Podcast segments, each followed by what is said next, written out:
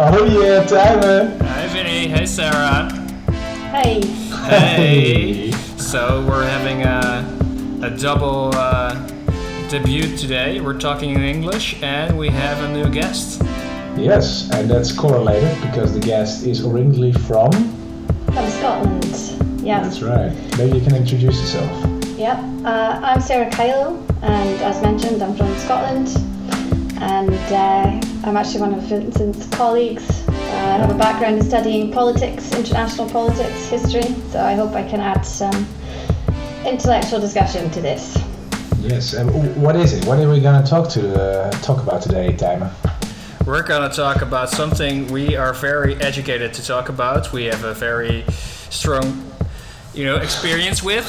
We're gonna talk about feminism. Oh wow, yeah, we're strongly opinionated, but but not very well educated, I should say. No. Or can we? No.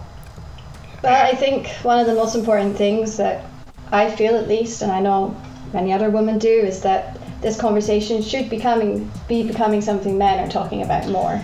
Well, that's actually one of the reasons why we decided to do this because Yeah. we feel there's also uh, maybe an obligation from our side to at least start talking, hopefully start doing something. Yeah, allyship, Yeah. Oh, definitely. that? becoming an ally. That's what we're looking for. Allyship. Yeah. Being a supporter. Yeah, being uh, a part of the feminist alliance. But Sarah, Ah. Sarah, how would you define feminism? Well, I actually saw a, quite an interesting quote um, by the actress. She's one of the actresses from Game of Thrones, and she said, um, "There is no such thing as a feminist. There are misogynists, and then everyone else."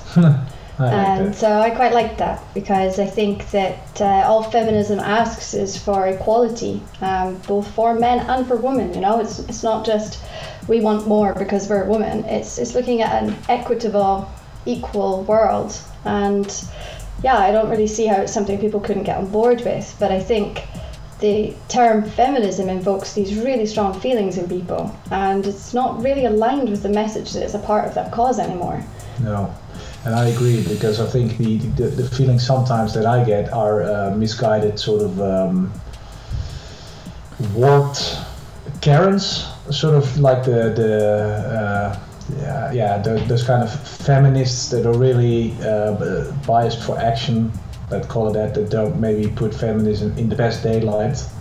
I don't think Uh. Karens are the right example, but I think uh, the discussion uh, has always, well, not always, but has been very politicized, and that's why there is Yeah. a very one side, the other side approach. But if you put it like, you know, uh, treating women as equals is normal, opposed to, you know, treating them as lesser or even hating them as misogynist, that's the abnormal part. So I think that's an interesting statement uh, from Yeah. the anonymous Game of Thrones actress. Uh, Yeah, I, don't, I don't know her. I don't know her real name, but I know she played Arya. If that helps Ah, Arya. everybody. Oh yeah. Yeah, I don't. I don't know her real name. I'm sorry. Yeah, me neither. Me neither. We're not We all on know who she is, though. Yes. Okay, so but then maybe the question is uh, why would anybody be opposed? Sort of why not treat people like people and everybody equal? Did that has to do with people losing a basis of power? You think? I think that's an element, and I also just think that a lot of people don't believe it's a problem anymore. And uh, Anymore? Yeah, I feel like sometimes when you bring up these discussions and debates, people kind of roll your eyes and they'll roll their eyes and they don't believe it's still something that happens, particularly in our societies, but it definitely does. And we all have a long way to go. Can Um, you give some examples of how it how it exists still in our society?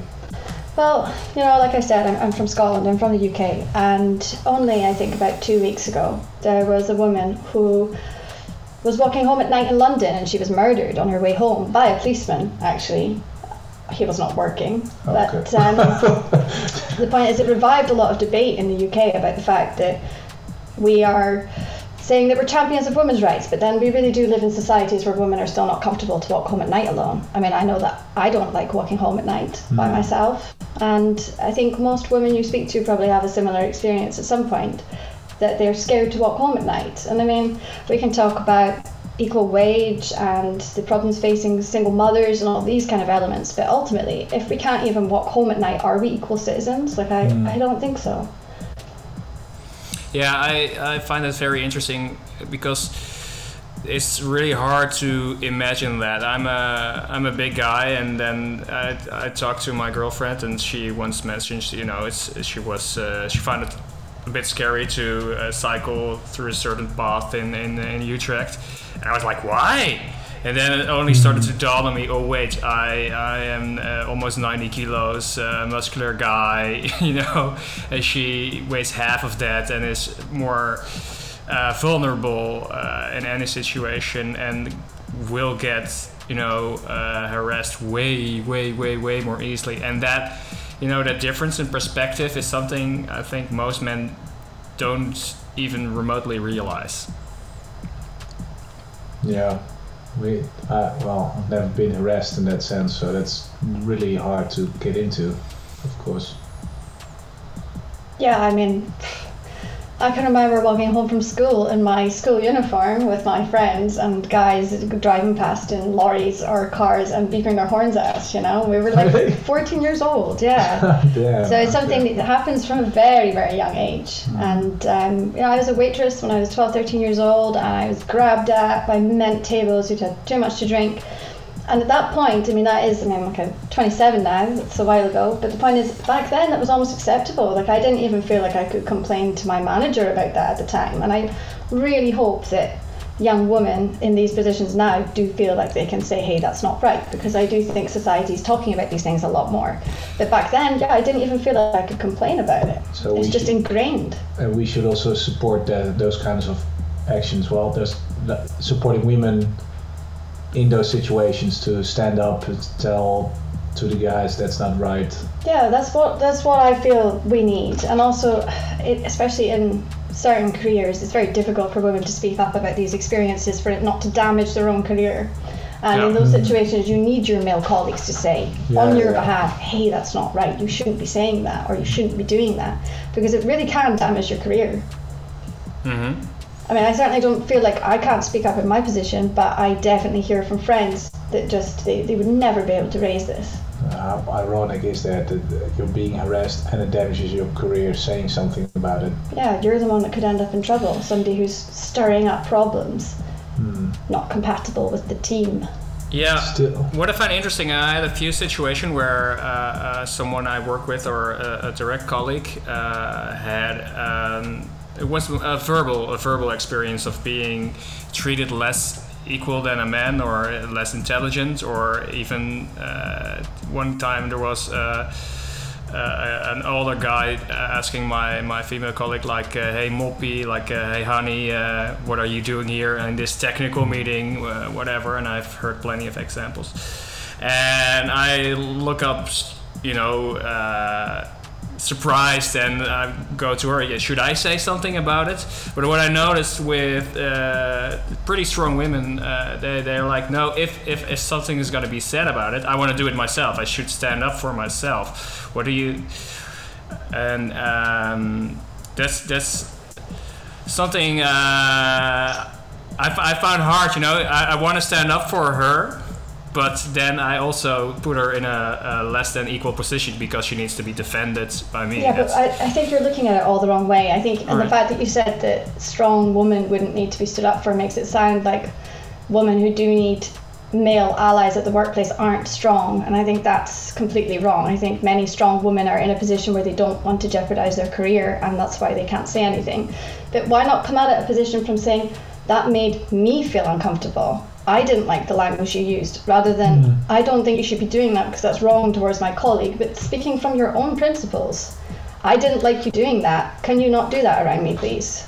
Yeah, or you could maybe, uh, you know, talk to him in person afterwards and just maybe even try to do it without to withhold judgment and ask, Yeah. why did you do that? Because I'm not sure if that's. Because it's not just about defending women. It, sh- it, it should be everybody in the room should feel uncomfortable when it happens. Everyone knows it's wrong. Yeah, it's downgrading people, right, or belittling people in general sense. This has a sexual undertone uh, with it. I would hope that if it was a situation where a guy was being kind of picked on or spoken to in a way that made other people uncomfortable, they would also stand up for him. I think it's, that's Mm-hmm. that's where the feminism aspect comes in. It's like pr- improving the situation for everybody. Yeah. We should really start to develop a culture where standing up for your colleagues that's normal and something we should really all be taking on board. Yeah, I think, that, of course, the whole reason for me to discuss this topic and to talk about it is exactly that. That's something within my power that I can do, even though I find it hard to talk about. And it's maybe even for me personally, especially hard in English, of course. You know, Yeah. Not being your native language, you have to express deep-rooted emotions and things that you don't normally talk about. So that's that, that's tricky. That's challenging. But that should not be something to refrain I should not be refrained by that. I should still try and at least do something. Yeah, I, I think the fact that you're even willing to have the discussion is already a step in the right direction. And then actually do more than that. Yeah, well, it's, it's, it's everyone's on an education path. This is something Mm. new, and you know, it's even new in my life. I feel like if I'd been asked to talk about feminism openly even a few years ago, I would have felt very uncomfortable about that. Yeah, but you have studied quite some theories and stuff. Academically, is very different. You're sitting in a room of people who almost are all in agreement with you. Yeah. When you put yourself in a position where you're going to be kind of challenged on your beliefs, it's very hard because those beliefs to be challenged is like almost a challenge on your right as an individual. Somebody to disagree with feminism to me is basically saying that they think that I should continue to be treated as a lesser person in society, and that's obviously a very difficult conversation to have. Um, but now I feel like I can Did you ever have such a conversation? I've had people be very dismissive of the idea of feminism uh, and argue that it, it's not a problem. Where you know when you have had direct lived experiences that would definitely provide the evidence that it is a problem. It's quite hard to hear somebody say these things, and I also don't like having conversations where you have to bring up personal experiences because then you know why you shouldn't have to do that. You should just be able to say, look, these things definitely happen. Yeah. Yeah. But it's quite interesting. I have a book here which I would recommend to mm. everybody. It's very short. It's called The Second Sex. It's written in French originally. Simone Oh. Ah. de Beauvoir. She wrote it in 1949, Oh. and the very first sentence of the book is something that I think will stay with me forever. She says, I hesitated a long time before writing a book on women. The subject is irritating, especially for women, and it is not new. That was in 1949. Yeah, yeah, yeah. Imagine how fed up we are now. 2021. we are sick of talking about this. We're sick that it could even be classed as a debate. Well, It's what I shame. found interesting that, like, at the beginning of the last century, like, uh, all right, we're gonna have democracy uh, everywhere, and uh, people will be able to vote. And then it took still took a few years. Oh yeah, women are also people. They should have a vote too. Yeah, uh, but I in the beginning of democracy, only like 10% of the people, at least in the Netherlands, was allowed to vote. Everybody who paid taxes above a certain limit, and then everybody else, nah. Yeah. Yeah. 1919, we were not the latest, certainly not first to have women to vote, to be able to mm-hmm. vote. I mean, and, and still people are, are, are treated like less than other people. And so, but what you said about other persons not recognizing the problem, I think that's one thing. And I might have been part of that maybe a few years ago because I thought, well, there's not such not such a big issue. Maybe a little pay gap, you know, but here and there. But I mean, we're working on it, and what, what what's the problem there? But um, but there are also people, I think, who truly believe uh, women should be treated differently, right? So there, there's two kinds of opponents to, in that sense, feminism or equality, Yeah. or not. Or do, I- I'm sure there are some people who secretly, or maybe not so secretly at times, uh, believe that women are, are not the same as men and shouldn't be treated as such. But for me, I think the biggest, important, most important thing is that men need to stop feeling like they're being attacked when we talk about these things. Mhm. because I think that's definitely an emotion that really comes out. And um, this whole, like I told you in the previous few weeks, we had this whole thing in the UK, and it's really a hot topic, and everyone's speaking about it. And on Twitter in the UK, one of the trending hashtags was "not all men." But that was never an allegation that was made, but it just triggered this response of not all men do this. Why are you causing us, you know, don't lump us all in together. But I saw a good uh, analogy, which was, you know, if you were given a bag of, you know, Maltesers, Nice. and um, one in every ten was laced with cyanide, would you eat the bag? Of course you wouldn't. The point is, like, women don't know who's out there that could be a problem or treat them poorly, and they're on high alert at all times because you, you don't know. But what we need is for the other nine to be so outspoken and in support that we can start to feel safe and relaxed in our societies. Hmm. And that's where the whole ally thing comes from. And what what I find interesting that you you keep coming back to to the fact like just feeling safe and accepted. That's that we were not even Yeah. talking about you know more complex issues about the, the role in the workplace or even more women on top of stuff like that it is it's not even the basics are right of you know feeling safe uh, within within a a city or a society yeah, uh, and I mean, I don't know, maybe the Netherlands is a much safer place, and if your listeners are based here, they maybe won't relate so much with me, but I, I'm not sure if that would be true. I think this is a global thing, and I think in some societies it's far, far worse. Yeah. But, uh, you know, it still does happen here, and Well, I've, I've heard Yeah. some stories about Elgin from you, so uh, I think it's it's a special place. Let's call it that. But there's special special places here as well. I lived in Rotterdam South, and uh, well, I well I, I always felt safe in that sense. But I know a lot of women who went there at certain times didn't feel safe. So it's not like you say. There are better places in the world, and there are definitely worse places in the world. But that doesn't mean that there is an issue here. yeah. What I what I'm wondering, and I, I, I would like to hear your perspective on that, is uh, do you think uh, there is also you know uh, much harassment or, or, or sexual intimidation because our societies are so highly sexualized? Because you know we there there are commercials uh, and on the internet is full of you know highly sexualized images of women, and that gives a, a, a you know wrong expectation to to people about what uh, a woman is supposed to be. I definitely don't think it helps. I think women are continuously objectified.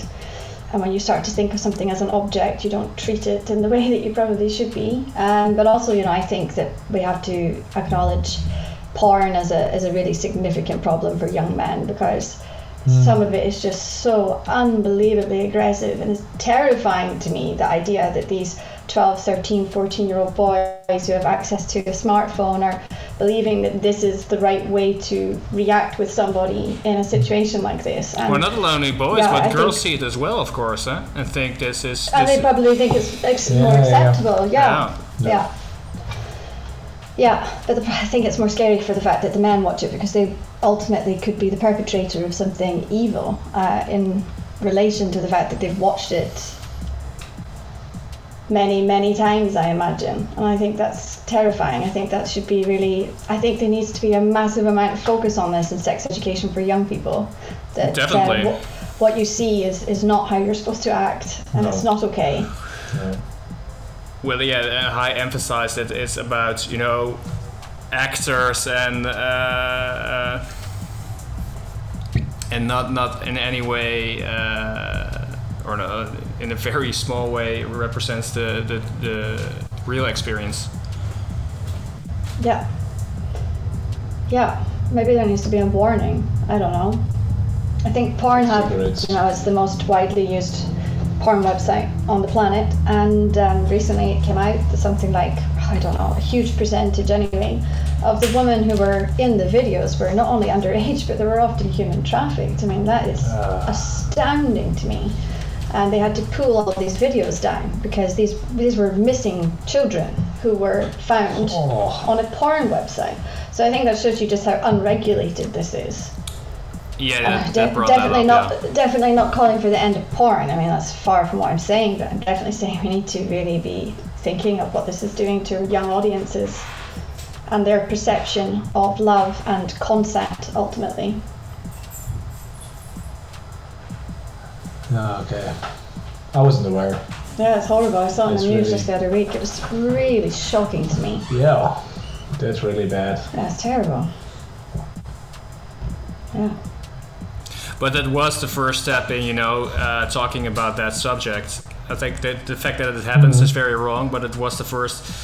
Uh, I think it was a New York Times research that brought that up, and uh, acknowledging that these uh, platforms uh, to, to, do facilitate this this. Uh, uh, unconsensual sex for money online, and that Yeah. it's it's taken at least more seriously. Probably not seriously enough, but Yeah. I think also since we're on the topic, I should mention, you know, I'm a white woman talking about feminism, and I have had some bad experiences in my life, and I've seen the impact of this, but I am still ultimately a white woman. And if you use these porn sites, there are categories, and those categories are of often women of ethnic minorities or uh, non-binary people, and like by categorizing these people as a fetish, it's so much worse. I think you know you have misogynoir, where you talk about the kind of double whammy of being a woman and also black, which means you are treated even worse. And I think that the experiences of women from ethnic backgrounds is just horrendous and definitely made worse by the fact that they are literally a porn category. You know, they're fully objectified in that sense. Hmm. yeah, that also came up with the recent uh, racism against Asians in, uh, in the United States. That Yeah. there is a certain hate, but also a certain fetishization uh, of, of, of Asian women, which I don't, I don't, I, I don't. It's a real mix of hate and sexual lust that uh, is very strange. Well, the recent mass shooting of Asian women, um, they, the, the perpetrator, I mean, this is just from what I've read in the news, so I'm not 100% sure on this, but apparently he believed that they were prostitutes. They were not. But he murdered them because he thought they were Asian prostitutes. Like that meant they had some lesser reason to be allowed to live. Yeah. So I think you know we this is such a multifaceted thing, and you know you talk about kind of intersectional feminism, which is looking at how feminism is this one fight, but it's got these various different kind of dynamics within it that you need to recognize. So it becomes quite broad, but uh, yeah, super important to remember that everyone's experiences as a woman are, are actually different, but we are all still pushing for the same end goal. It's just some people will probably get there sooner than others. Why can't we just act normal? I don't know. That's what I asked. you. It's weird. Sounds pretty easy to me, but somehow there's incentives in this society and in people, individuals, to sort of. Well, There's a lot of unlearning to be done as well. What I Yeah, okay, yeah. find interesting that if you read some books on more tribal societies or the earlier uh, tribal societies uh, everyone lived in, that there was a, a, way more equal balance between men and women and how they were regarded in those small societies, and that somehow, you know, with the advent of agriculture and complex societies, uh, somehow men uh, took over, or at least a, a, a small group of men. Uh, I'm the king, or I'm the priest, or I'm whatever, and I make the rules now. And Yeah, that that's still embedded within cultures, you know, thousands of years later, and we have to untie all these knots that created society as it is today to get that equality again. Yeah. I think that it was maybe less the agricultural revolution, but more religion that kind of pushed this to the forefront. I mean, the Abrahamic religions all pit women as a as a lesser to men. I mean, we have the original sin, you know, Eve Yeah, stealing a uh, fruit in the Garden of Eden. So it all starts from there, you know. No, true. No, actually, but it's also at the moment uh, when we started agriculture, women became more and more pregnant, pregnant, had more babies. Uh, the men were sort of garnering all the property, and that's sort of the theory to why men usually are seen through agricultural revolution as sort of the uh, that's how the whole ownership and stuff came to life. That's at least what I read about it. Yeah, okay. I mean, it Maybe makes sense as well. Religion was sort of an accelerant to it. Yeah, I guess it provided the backing for those principles and ideas. Yeah, especially the Abra- Abrahamistic, uh, or what you say, uh, religion, because there's also religions that Are there religions that are more equal, except for maybe? Well, you have so. Confucianism and Hinduism, uh, but I think in practice also there are mostly, uh, you know, a small select group of men uh, Yeah. ruled uh, societies. Maybe they were more equal. I'm not sure actually. Well, what I find quite interesting is that our perceptions of women's position in society do change, and in uh, in the UK, I think in the either 17, I think it was 1700s, if a if a man left his wife because the wife couldn't leave their husband, it was the man's decision. He was he had to keep the children. The women were not allowed. They were not deemed to be fit to be sole single mothers. And then somebody at some point decided that actually that's a bit of a hassle, and um, Some, some now, now the women get the children and we don't want them. And so it's quite funny because this always gets brought up as like a male's right issue that men don't get to keep the kids, but like this was a decision made by men to change it like this, and now we're having to kind of reverse and, and think about this in a more equal way, which again falls under feminism.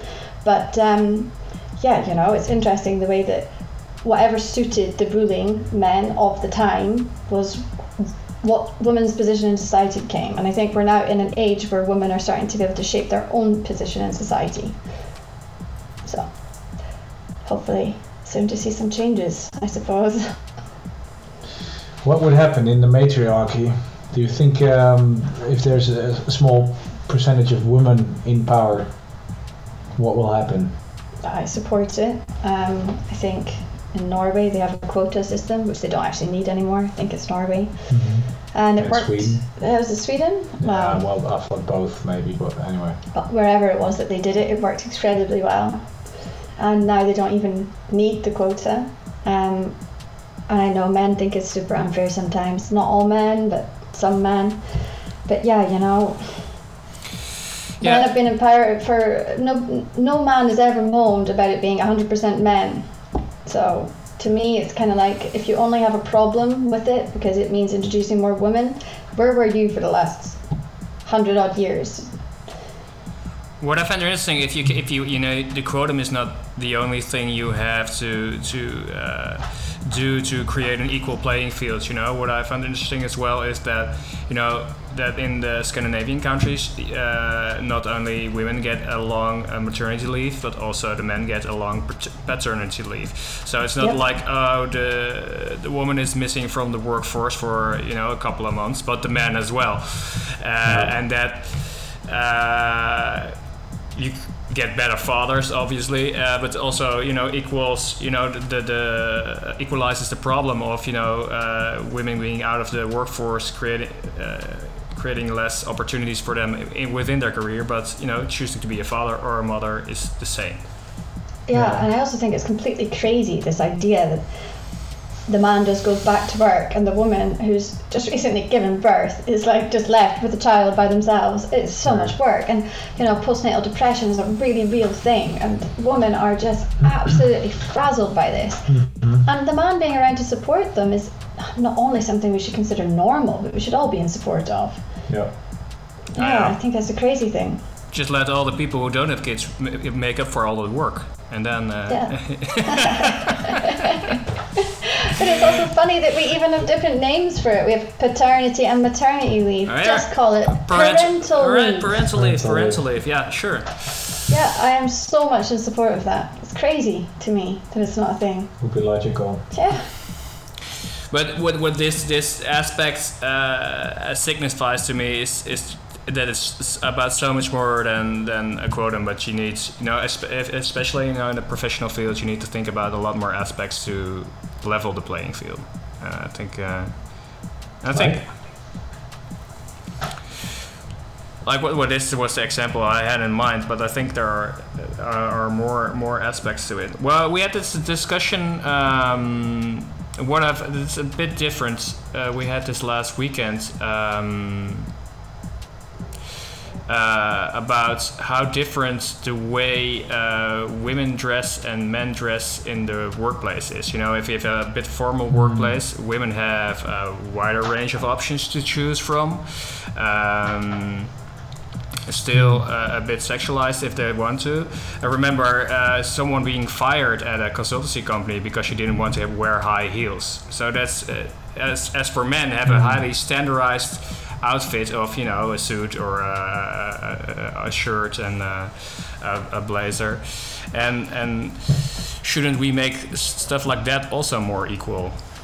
Yeah, then at least uh, we should, men should also get fired if they don't wear non-buckled snake leather shoes. I mean, it's a consultancy. I don't know. I don't know what what the right answer is, but I see a mismatch there as well. You know. Yeah, yeah, right. Yeah. I think the idea of working for somewhere that told me I had to wear heels when I, when I didn't want to, I think that's really sad that that even exists. It was a couple of years ago. I know, but I, I still I, there's definitely stories like this, or you know, you're expected to wear makeup, and if you don't, you don't look professional. And yeah, okay, these are not personal experiences of mine, but they definitely exist. I think that's crazy I, I, to have your to have your appearance to be part of your job description. It's just mad. But it, it could not have been in, in the Netherlands. No, it was not in the mm. Netherlands. I think it was oh, either okay. the US or the UK. Yeah, but it's weird that you can actually fire someone over that, right? How, how can that ever be an argument? In my opinion, there should be a more. Maybe there was something, something else. But if that really is the case, then there's something wrong. I don't know. Maybe we need more information on that particular case. But even the fact that there there is a difference, and there's always a discussion ongoing on what kind of clothes are permissible you know, especially for women. Well, I think uh, since we're on the subject of clothes, it's quite interesting to think about how girls are treated at school. Um, yeah. I had a good friend, and she was uh, blessed, shall we say, in her chest region, and um, yeah. no matter what she wore, it could great be considered. Hmm? The great characteristics. whatever you like, but um, you know, whatever she wore, it could have been seen as being I don't know revealing, but mm, that yeah. wasn't. It was unavoidable for her basically, and. Yeah. It was warm weather. I mean, it doesn't happen often in Scotland, but it was hot, really hot. And our school was old and I had no aircon, and it was like a box. And she was wearing a vest top. She'd had another top on, but she took it off because she was really uncomfortably warm. And they pulled her out of class and made her put on a top and top. Mm. And she had to just sit there sweltering because her having a chest meant that men couldn't stop looking at it. Like, what? Mm. Why are we the ones having to cover up? And I mean, there was many, many instances like this at my school, like a lot. And, and the worst thing is, is this top that this girl was wearing. There was another girl at the school wearing the exact same top, but she was flat chested, and nobody ever told her to cover up or put something different on. Yeah. So she was being singled out for something she had no option in. We should have been telling the boys in the class, if you can't stop looking at her chest, then you have to leave the room as opposed to you have to be uncomfortable and too hot today because we can't control men looking at you. You're considered a distraction for being a woman. Okay, again, this is a while ago, but this definitely still happens because I read about this online still. Girls being sent home from school for wearing a vest or for wearing leggings and things like this that are too revealing for gym. Yeah, it's crazy. Yeah. We're reinforcing from a very young age that women should adapt themselves to make men more comfortable. Yeah, it's weird. It, I think this also, you know, uh, tags into that objectification and sexualization uh, within mm-hmm. society. That this this this is so uh, shocking for for men. I mean, uh, if, if, if you, you, you uh, we've all seen the imagery of, of uh, you know villages or uh, tribes in Africa where everybody is you know uh, doesn't wear a shirt and uh, it's not like everybody's distracted there uh, and can't do their work.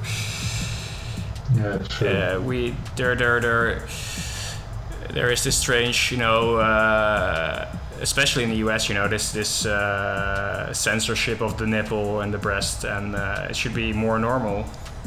Yeah. Free the nipple. Yeah, free the nipple. Free the nipple. well, you, you sort of want what you cannot have, and if you censor things, then they become. Uh, well, it becomes taboo. The idea of yeah. a woman's nipple. I mean, why on earth is a woman's nipple taboo? It's like it's like it's like in Japan, right? Um, they also have pretty weird and strict rules about um, uh, showing vaginas. They, I think that uh, officially you cannot show uh, penetration there, also not in uh, pornography. So everything is always blurred. Hmm. Which, but, they- but but the interesting the reason- as as for this, as as for the nipple, you know, you see that societies, you know, s- s- start skirting the line as, lines as much as possible. You know, it's, it's it's just a ridiculous, arbitrary line where something is sexual and where not. And Well, yeah. It's also it's interesting because the more we talk, the more things are coming into my mind that annoy me. About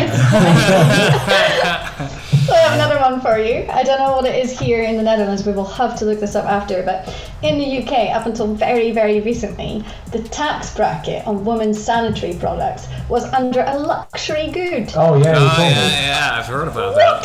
do, do you think that this is a luxury for us? This is not in any way enjoyable. Why do we have to spend more money on this? I, I, I think as a You want to be clean? objection- Luxury.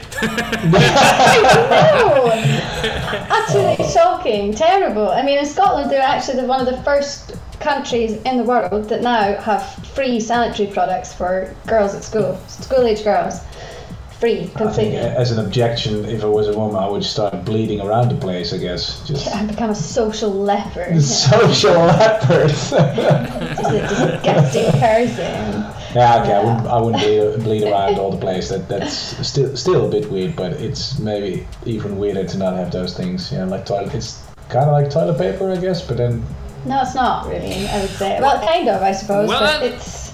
it, it also tags into you know it should be a more discussable subject you know it's, Yeah, exactly. it's, it's, That's- that's I thing. think I've, I've learned this when I was young and I think this is we will despite uh, the, our flaws in Dutch society I think we can talk about a lot of stuff uh, but you know talking about menstruation and uh, the fact that you know sanitary pads or uh, tampons are just normal and part of life and, and not something disgusting and evil and something not talked about I think that's that's evil. well, you're absolutely- yeah. So uh, uh, demonetized. Yeah, well, no, you- you're absolutely right. make make it make it normal, like uh, that we don't do not skirt around this subject and just uh, accept it as you know uh, this is something uh, hap- happens to women uh, every day and. It's just Oh, a, luckily part, not a, part, every a, part, day, a part of being no well there are women who all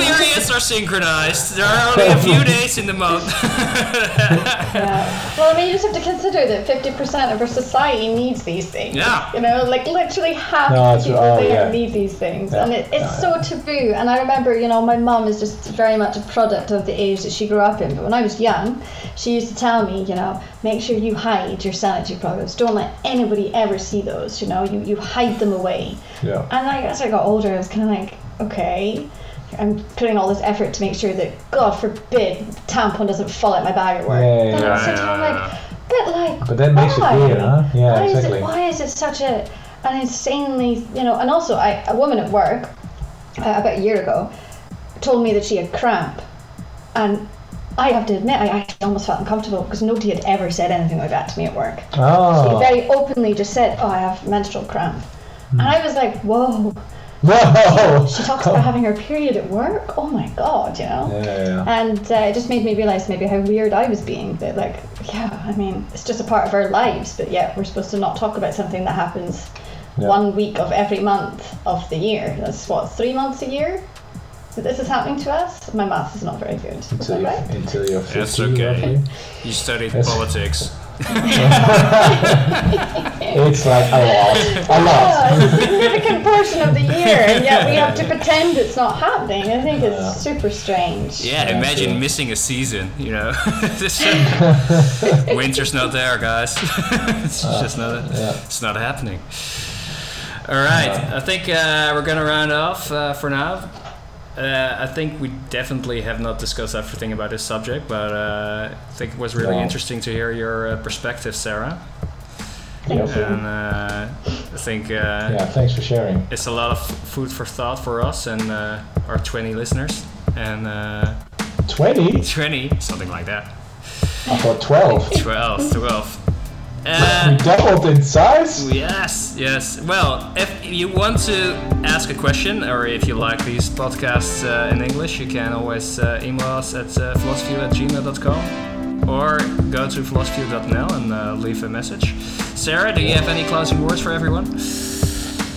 Oh, just simply get it on the table, talk about it, uh, and stand up for the women around you. Think about what you can do to help. If you see something wrong, call out. All right. Shout out, shout out to the women's. Yeah. Whoop, whoop. Cool. Now it's good that we uh, start talking. All right. Thanks, Sarah, and uh, maybe we'll uh, well, we'll definitely invite you for a second uh, second round of this. Well, thank you for having me. All right.